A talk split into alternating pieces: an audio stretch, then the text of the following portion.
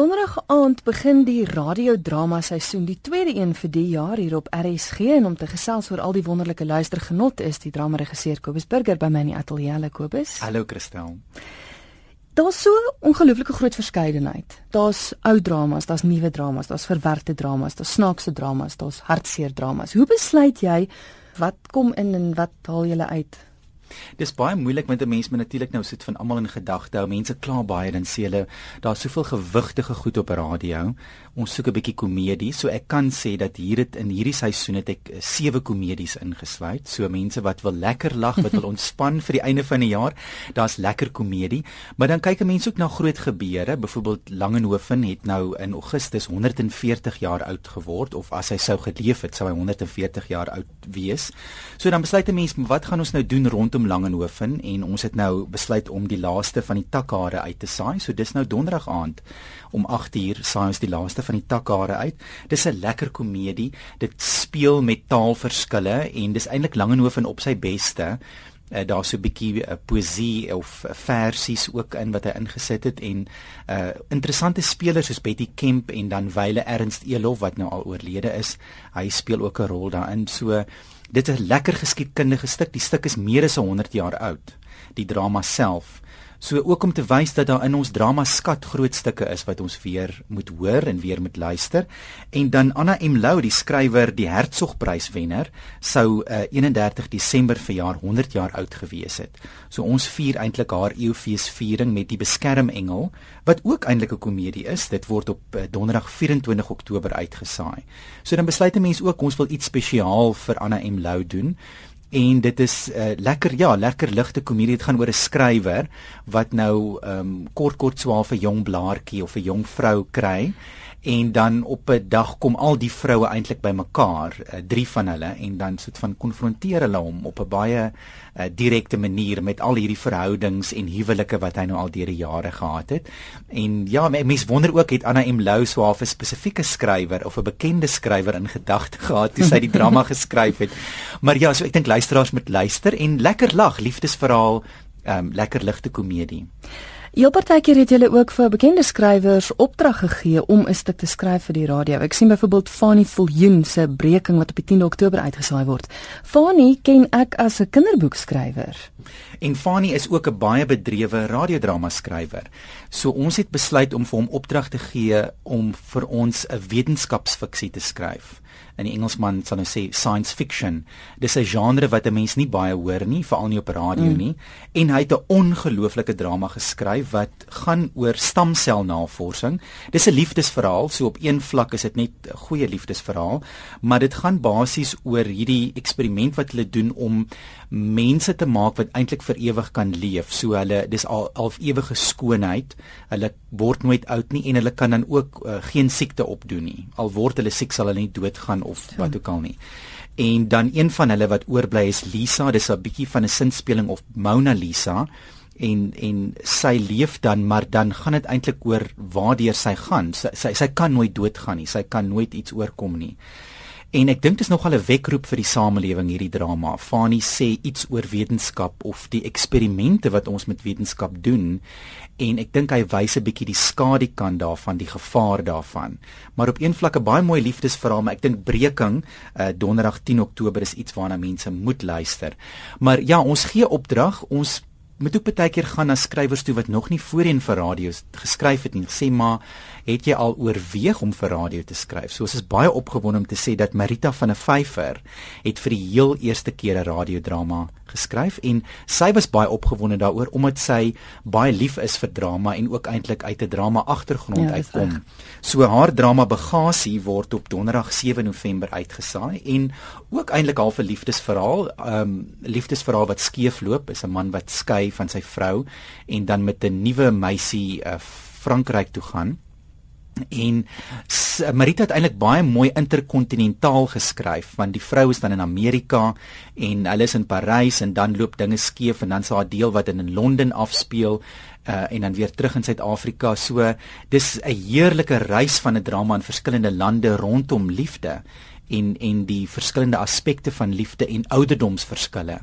So dit het ons dan en dan Christo Davids van Sewende Laan Farm het ook sy heel eerste radiodrama geskryf en dit voer ons ook later vanjaar op. So dis lekker om te sê dat is daar daar's nuwe stemme, daar's mense ja. wat vir die eerste keer vir radio geskryf het. En dan ook 'n lekkerte is daar's toneelstukke wat op die planke was wat nou verwerk is vir radio. Ek dink onder andere aan Draadwerk van Daleen Creer en ook Strip van Leon Creer. Ja, dit is nie altyd moontlik nie. Dit is dit is vir party skrywers moeilik om daardie oorgang te maak van 'n verhoogstuk na radiodrama, maar ons kies hier en daar goeie dramas en dan vra ons vir mense om dit te verwerk.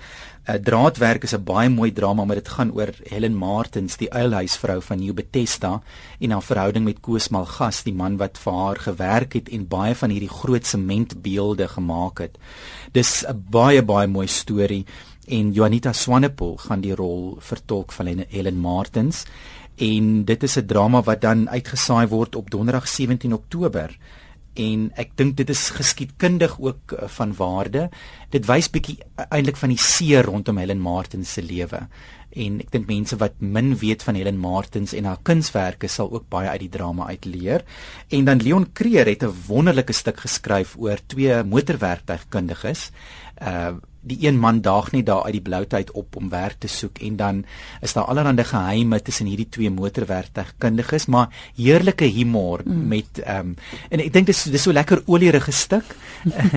ek dink dalk die siele op wiele gaan dit vreeslik baie geniet, maar dit is ook 'n baie diep emosionele drama en ek dink dit is van Leon Creer het al baie vir die verhoog geskryf en was self baie op die verhoog, maar ek dink dit is regtig 'n uitstekende drama wat hy geskryf het. Nou ons het nou in detail gesels oor van die stukke wat in Oktober te hoor gaan wees. Nog ander hoogtepunte vir die res van die jaar? Ja, mense wil ook altyd bietjie kyk na die internasionale verhoog of internasionale drama. So ons het besluit om Nile Boots se Fat Pig na Afrikaans te vertaal en te verwerk as Vet Vark. So dit kom in Oktober. Dit is ook 'n komedie, maar 'n komedie met 'n steekie met 'n byt, want dit gaan oor gewig, oor 'n mollige nooie vrou wat bietjie oorgewig is en sy het eintlik vrede met haar liggaam, maar 'n jong man raak verlief op haar en duidelik het hy 'n probleem met die feit dat sy oorgewig is. En dit is so slim drama dat dit die luisteraar ongemaklik maak want dit dit sin speel op ons eie vooroordeele oor vet mense of oorgewig mense. Ons het eintlik ons sal dit nooit sê nie, maar ons dink hierdie goed oor vet mense. So 'n 'n komedie wat mense regtig so bietjie 'n steekie in die ribbes gaan gee. Dan het ons op 21 November is donderdag aand te stare 'n interessante nuwe drama, eerste radiodrama deur Anton Kreer altyd wat gaan oor oud word in seniliteit. Dit speel in 'n ouetehuis of 'n bejaarde sorgsentrum af en dan is daar ook 'n uh, jong fotograaf wat opdaag om nou fotos van die ou mense te neem, maar dan kom daar 'n ou pynlike storie uit die verlede na vore. 'n uh, baie baie mooi drama en dan op 14 November 'n lekker ligte komedie Die Koelter en die Kelner deur François Tourin. François Tourin is bekend om die François Tourin show, 'n ja. uh, goeie komedie, 'n baie interessante storie. Dit is so 'n bietjie van 'n jy weet wat hulle in Engels noem die cougar, 'n ouer vrou wat vir 'n jong man val en dan die die goedjies wat daar rondom opdaag. Dan François van Rensburg is bekend om Ratels, bekende akteur in Ratels. Hy het 'n drama geskryf Sibbe. Lekker jeugdrama, ook met interessante kinkels en kabels daarin, ook om verhoudings, uh, huwelik wat verkeerd loop en dan die seun, tienerseun wat eintlik sy ma en pa se vervreemde verhouding moet verwerk. Dan Skalk Skoombe het Sonstorm geskryf wat ook 'n bietjie van wetenskapsfiksie is. Dit speel af in 'n slim huis jy weet hierdie byvoorbeeld dat jy vir jou yskas kan vra is jy weet is daar genoeg melk in die yskas. Mm. So die drama speel af in so, die hele huis is slim. Alles jy weet uh, is eintlik rekenaar geletterd in die huis en dan die goed wat daar rondom afspeel. Ook ook 'n verhoudingsdrama, liefdesverhaal tipe van ding, maar heeltemal futuristies en dan skalk het ook baie navorsing gedoen oor sonstorms. Jy weet baie keer werk tegnologie nie as gevolg van sonstorms. Ja. So by daai konsep ook ingebring en dan in Desember ook die ideale minares van Neil Steenkamp wat gaan oor 'n vrou haar motor breek langs die pad en dan stop 'n man en hulle gesels, hulle drink koffie en dit is swaar vir minares ding maar uh, heeltemal interessante wending wat daar plaasvind en dan SD Fourie wat al baie vir radio geskryf het en pryse gewen het, het ons Kersdrama geskryf. So op Kersdag 25 Desember dieselfde storie, 'n moderne Kersverhaal, 'n Kersverhaal wat soet van in die hede afspeel. Wat sou gebeur het as Jesus in nou in hierdie tyd in Suid-Afrika opgedaag het? En ons seisoen sluit af met uh, PJ of Pieter Haasbroek se Olifantie, 'n uh, stuk met 'n sterk bewaringstema um, ons liefde vir diere, die bewaring van diere. Ons het verlede jaar bekkies gevind van P.J. Haasbroek uitgesaai wat baie gewild was en Denver vra hom selfs benoem vir 'n ATKV veertjie vir sy rol in daardie drama. So dis lekker om nog een van P.J. Haasbroek se dramas uit te saai. Man, ek is nou so opgewonde. Dis elke donderdag aand en dis tussen 8 en 9. Elke donderdag aand om 8:00. Ja, en die ding is ek dink mense moet maar eintlik hulle wekkers of hulle horlosies of wat ook al stel. Ons kry altyd dit mense, jy weet sê, maar ons het gehoor daar was so wonderlike drama donderdag aand. Ek dink van 3 Oktober af moet jy net maar 'n afspraak hê om elke donderdag aand reg te sit om radioteater te luister. Dit is beskikbaar op Potgooi. Dis altyd op Potgooi beskikbaar en selfs van die vorige seisoen se dramas is beskikbaar. Mense kan maar net op RSG se webblad gaan kyk of radioteater of Potgooi sal hulle dit kry. Want mense sê gereeld, jy weet, ons het nou gehoor julle het um Risa de Wet se mis uitgesaai of my kinders soek dit of jy weet wat ook al. Dis alles nog beskikbaar en mense kan dit of aanlyn luister of aflaai.